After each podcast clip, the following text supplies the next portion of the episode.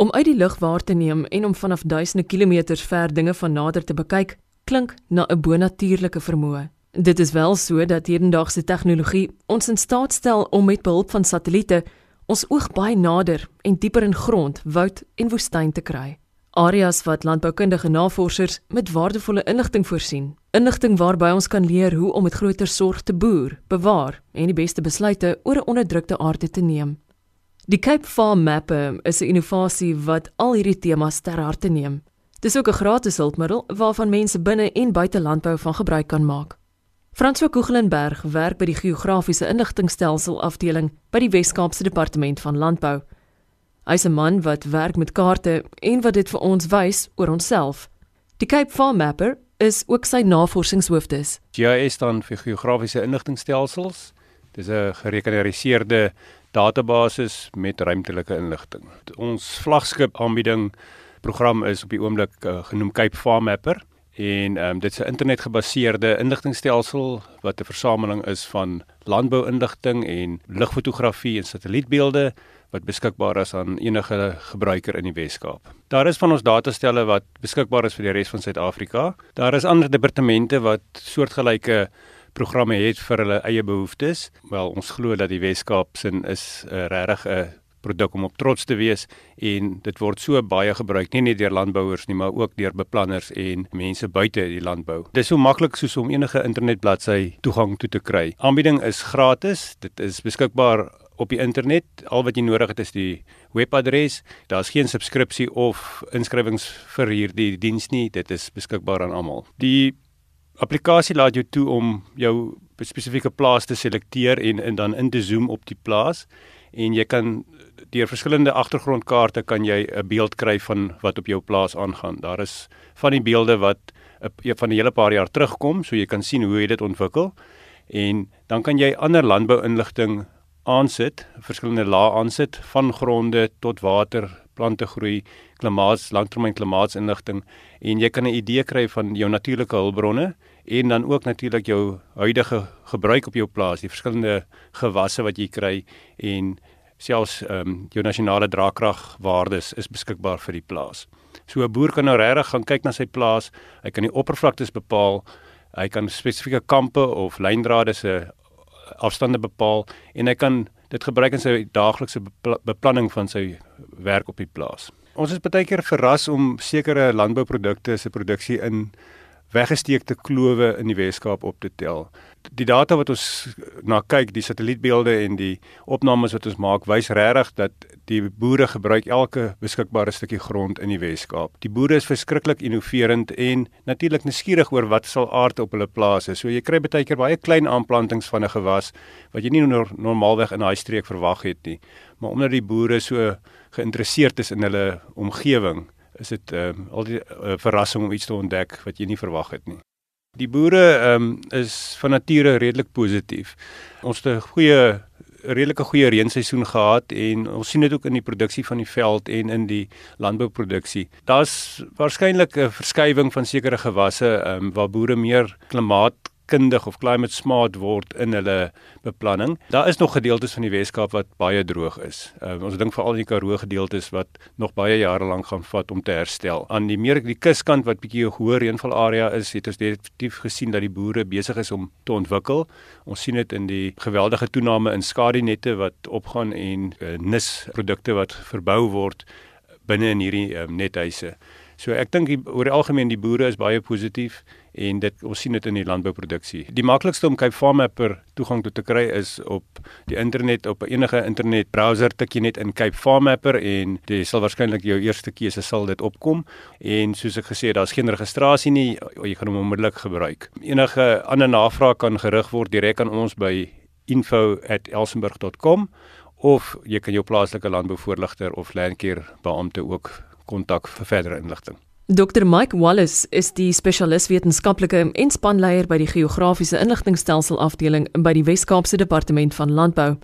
Hy steun die gedagte dat dit wat ons van ver af kan sien, ons nader aan vooruitboer bring. Dit kom eintlik 'n lang pad en dit is absoluut fantasties om te sien hoe dit nou ontwikkel het in 'n in 'n ding wat soveel so baie mense kan gebruik. Manda, ek dink die laaste die jongste syfers toon dat dit so 8000 nuwe of unieke gebruikers is elke maand.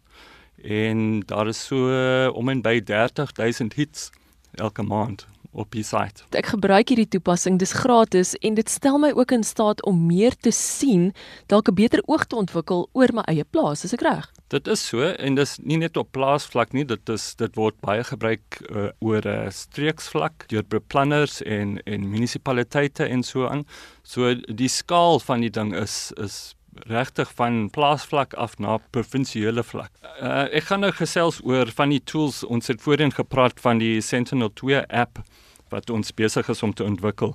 En ons het nou 'n paar van daai tools ingesluit in Cape Farm Mapper in wat baie maklik is om te gebruik en ek dink dit sal nogal nuttig wees vir boere as hulle daarna kyk. Ons praat van hierdie indekse, waarnemingsindekse. Die sensors aan die satelliete in die geval van die Sentinel-2 satelliet meet die weerkaatsing van die sonstrale in verskeie golflengtes en deur vergelykings te maak tussen hierdie golflengtes wat die sensors meet kan ons verskeie afleidings maak oor die biologiese en fisiese toestand op die grond. En die drie indekse wat ons nou ingebou het is um, eerstens NDVI. En NDVI is nogal redelik bekend. Dit is 'n afkorting vir Normalized Difference Vegetation Index. En dit is seker die bekendste van die klomp indekse wat ons gebruik. Om dit eenvoudig te stel, is dit 'n aanduiding van die aktiwiteit of die gesondheid van die plante groei.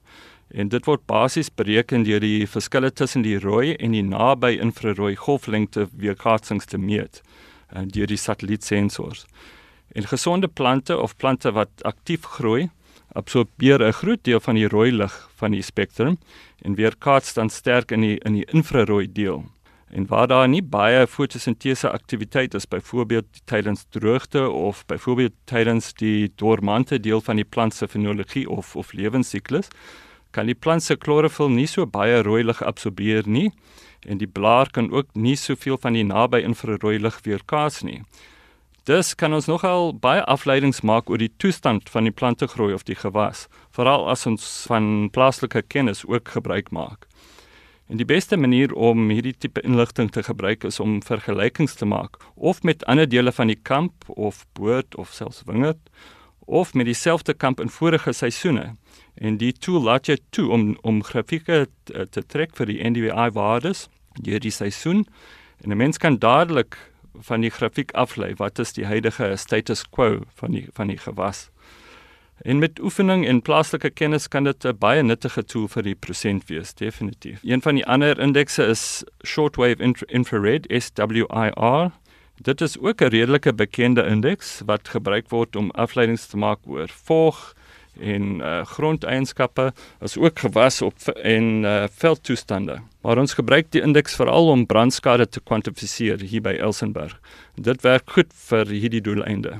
En dan die laaste waaroor ons gaan gesels is die Natural Color Index. Dit is 'n eenvoudige kombinasie van die rooi, groen en blou dele van die spektrum te gebruik om kleure te simuleer wat intuïtief geïnterpreteer kan word. Met ander woorde, die kleur en fisiese eienskappe lyk na aan wat 'n mens sal verwag om van 'n kleurligfoto van 'n gewone kamera as jy nou uh, na 'n gewone ligfoto kyk. Met ander woorde, die kleur en fisiese eienskappe lyk na aan wat 'n mens sal verwag van 'n kleurligfoto van 'n gewone kamera af. Die Sentinel-2 is 'n satelliet wat deel vorm van die Europese Ruimteagentskap se Copernicus-program.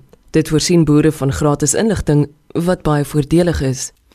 Die resolusie van die Sentinel-2 beelde is glad nie so skerp soos die van Google Earth of Google Maps, maar die groot voordeel is dat daar 'n nuwe beeld elke 5 dae is, terwyl Google beelde kan jare oud wees eintlik, veral in die platteland. As 'n mens nou daai NDVI beelde in in in van die ander indekse gebruik oor die jare, ons het beelde van die MODIS satelliete. Dit is absoluut vir my is dit een van die interessante dinge om te kyk hoe die waardes nou wissel uh, oor die jare. You can get a, a very strong impression of how climate change, droughts, weather impacts have influenced different regions in the province over that time period by looking at this time series and comparing it with, with the long term average of and we see in, in parts of the Karoo how that long term average has really taken a huge dip uh, especially in areas like uh, Prince Albert and and Merweville. En ons kry soveel inligting uit hierdie reeks beelde uit en en dit gaan ons nog beter kan doen met met die Sentinel beelde wat nou eintlik 'n beter produk is en 'n hoë resolusie produk is. Vir my is dit van die interessantste dinge, die afleidings wat 'n mens kan maak as 'n mens na 'n time series van hierdie beelde kyk. Een vir die kenners wat die aarde van 'n afstand bekyk, is satelliettegnologie soos die Cape Farm Mapper goud werd. Wat dit vir die Suid-Afrikaanse boer van die toekoms beteken, selfs meer. Ek dink die die toekoms lê in die integrasie met met sensors uh, op die grond. Byvoorbeeld as ons nou uh, reënval kan gebruik in die in die if we can use rainfall information and other sensors information, soil temperatures and so on, together with satellite information. And this is happening because a lot of these sensors now are available on the cloud which is, I think, where technology is heading. A lot of this uh, data can now be integrated on the cloud. So we not only have satellite information, but we have actual sensed information, measured information from the ground that we can integrate with the satellite um, Im- imagery to get a much better picture of what is actually happening. I think that's where the where the future lies. Boer kan nou op sy eie tyd kan hy na die data gaan kyk en na die inligting gaan kyk en hy kan 'n bes, uh, ingeligte besluit neem. In die verlede moes hy baie keer gewag het vir 'n kaart of hy het nie presies geweet wat is beskikbaar nie. Nou kan hy gaan kyk, ons probeer sover as moontlik alle beskikbare inligting wat ons vir die eh, landbousektor kan kry en wat ons ag belangrik hoef te of, is vir die vir die boer sit ons op Cape Farm Mapper en dit is beskikbaar teen alle tye. Ek ek sien dit ook van die van die bigger picture perspective. As ons kyk na al die uh, verskeie instansies wat betrokke is aan plaaslike beplanning en uh, streeksbeplanning, dit was so dat elke instansie nou sy eie GIS en sy eie inligting gehad het. Die bewaringsmense het hulle inligting gehad, die munisipaliteite het hulle inligting en die verskeie bronne het nooit eintlik met mekaar gepraat nie wat Cape Farm Map doen is dit laat ons toe om al daai data te integreer. So al die beplanners in 'n streek of in 'n munisipaliteit het nou toegang aan aan dieselfde datastelle en dit is eintlik 'n baie sterk ding vir beplanning, 'n baie positiewe ding vir beplanning en ek dink dit maak 'n groot verskil. Jy moet in gedagte hou dat Cape Farm Mapper is 'n toepassing wat geskep is op 'n platform wat ons wat verskaf word deur ons sagteware verskaffers. So ons is nie uniek wat die sagteware aanbetref nie wat wel maak is die unieke kombinasie van inligting en die vermoëns, die vermoëns wat in die in die program ingeskryf word en die tools wat ons daarvoor skep is uniek vir die Weskaap. Ons is op versoek besig om met 'n reeks demonstrasies van die funksionaliteite van Cape Farm Mapper onder ons beamptes in die departement en boeregroepe. So ons het nou al 'n paar van die streke gedoen en ons gaan in die volgende 2 maande nog 'n paar streke doen.